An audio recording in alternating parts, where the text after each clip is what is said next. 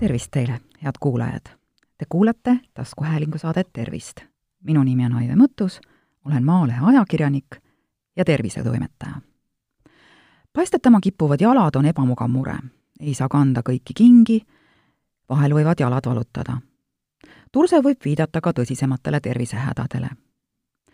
mida teha, kui jalad on turses, sellest kirjutas juulikuu ajakiri Tervis pluss ning artikli autoriks on ajakirjanik Kristina Traks. loos räägivad kaks inimest, kuuekümne kolme aastane Urve ja temast rohkem kui poole noorem, kahekümne nelja aastane Mariann. Urve pani juba noorena tähele, et tema jalad on võrreldes muidu väga saleda kehaga jämedavõitu. kunagi lausa häbenesin, et mul on sellised maanaise jalad, ütleb ta. paar viimast aastat on Urve aga jalgadega täitsa hädas Need on paistes nagu pakud. ta on ammu loobunud kandmast kõrgeid kontsi, ostab turult lõdvakummiga sokke ja kingade valimine on raske. tuleb leida laiali istuga jalanõud ja ka number tavalisest suuremad. eriti hull on lugu aga suvel palava ilmaga. Urve on jalamurega käinud äh, ka perearsti juures, kuid erilist nõu pole saanud. arst soovitas jalgu kreemitada ja kõrgemale tõsta.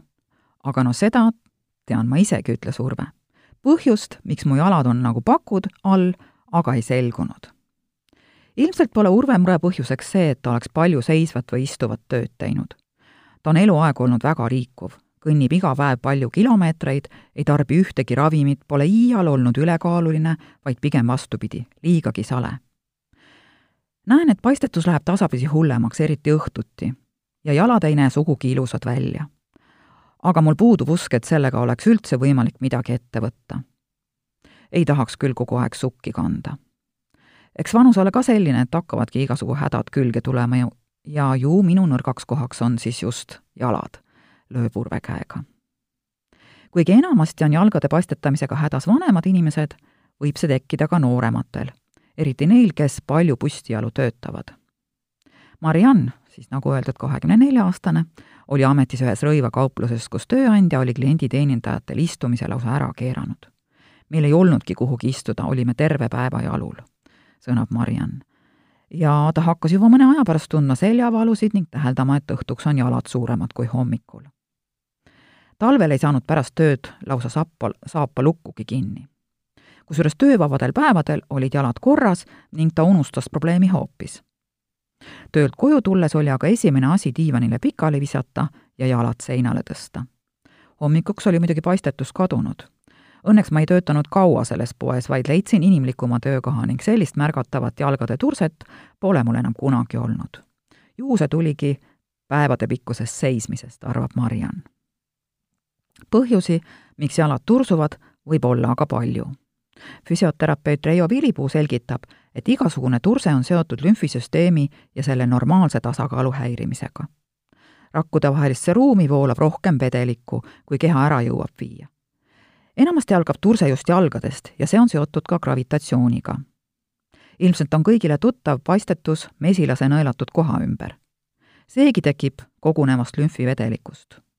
kui rääkida jalgade tursumisest, siis mingil põhjusel jääb koevedelik jalgadesse ning sel võib olla palju põhjusi, alates elustiilist kuni tõsiste haigusseisunditeni välja, räägib Reijo Vilipuu. tegu ei ole sugugi vaid naiste probleemiga. samamoodi võib jalgade tursumine kimbutada ka mehi. ja tursed on eriti häirivad just suvel palava ilmaga. jalgade paistetamine võib äh, viidata näiteks südame- ja neerupuudulikkusele, kroonilisele venoossele puudulikkusele, aga ka valele toitumisele näiteks valguvaegusele. kui lümfisüsteem on saanud jäädavalt kahjustada, näiteks kasvaja ravina eemaldatud äh, on siis lümfisõlmi või saadud kiiritusravi, tekivad tursed samuti kergesti. lümfiringet mõjutab ka pärilikkus, samuti ealised muutused ja rasedus. väga paljud lapseootel naised on hädas tursuma kippuvate jalgadega. ja loomulikult loeb ka kehakaal. ülekaalulistel on probleemid paistes jalgadega sagedasemad see on nagu surnud ring. ülekaalus inimesed liiguvad vähem ning nende veene ja lümfiteid toetav lihaspump on nõrgem. ja mida, ja mida rohkem nad istuvad, seda enam esineb veeniprobleeme ja turseid, räägib Viilipuu. tursed võivad tekkida näiteks ka lennukis. kus äh, maandudes ja tõustes valitseb alarõhk. tursete ennetamiseks on seega väga tähtis vedeliku tarbimine enne lendu ja lennu ajal. Ning alkoholi peaks kindlasti vältima. muidugi mõjutavad jalgu ka inimese töötingimused, nii nagu see oli Mariannil. seisev või istuv töö on suur riskitegur, ütleb füsioterapeut. kuid tõsisemaid jalaprobleeme tursetega saab siiski vältida ülekaalu korral tuleb võtta kaalust alla ja väsinud jalad nii-öelda seinale visata. aktiivne liikumine on väga hea, kuid kui jalad on juba turses, võib jooksmine paistetust veelgi suurendada. nii et sellega tuleb ettevaatlik olla. kui sul on istutöö, siis tee igas tunnis kümme minutit pausi ning ära kasuta seda mitte seismiseks, vaid ringi kõndimiseks füsioterapeut toob näiteks olukorra, kus istuvat või seisvat tööd on tehtud juba kümme aastat. kui jalad on sel juhul igaks õhtuks nii turses, et jalanõud enam jalga ei lähe, kuid hommikuks on paistetus alanenud, siis ongi käes just see hetk, kui peaks hakkama kandma meditsiinilisi kompressioonsukki. olukord, kus õhtune turse hommikuks ei kao, viitab aga pöördumatule probleemile. siis hakkavad tekkima juba nahamuutused.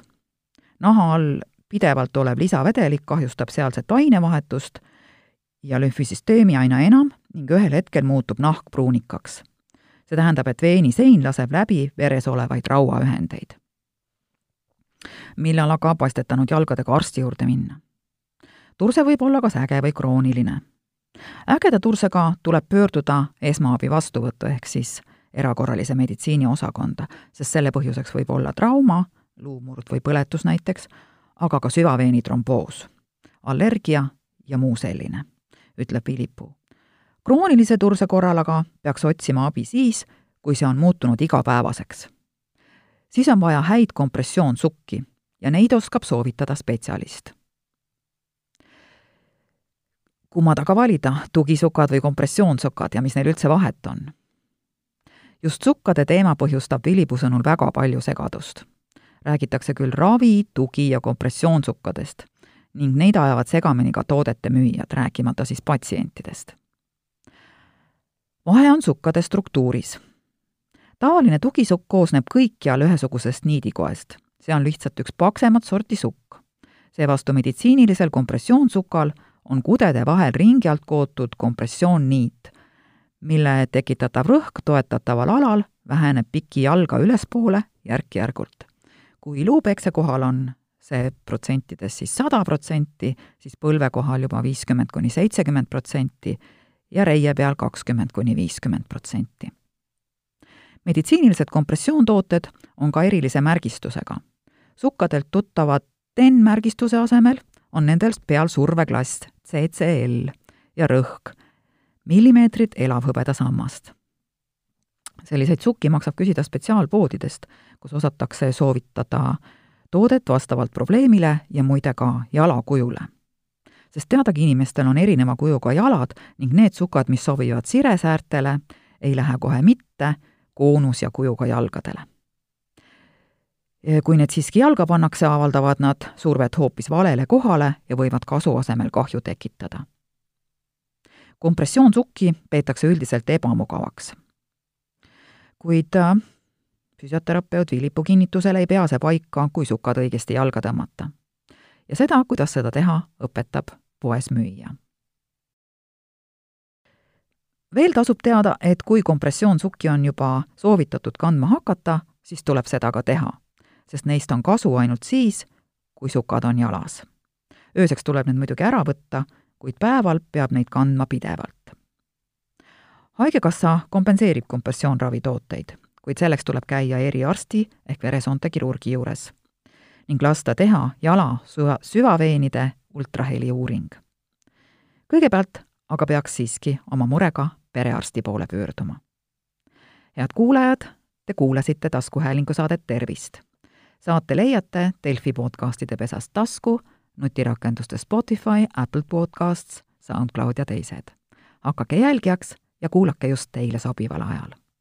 ettepanekuid teemade kohta, mida saates käsitleda, ootan teilt e-posti teel aadressil tervist.maaleht.ee minu nimi on Aive Mõttus, olen Maalehe ajakirjanik ja tervisetoimetaja. tervist teile!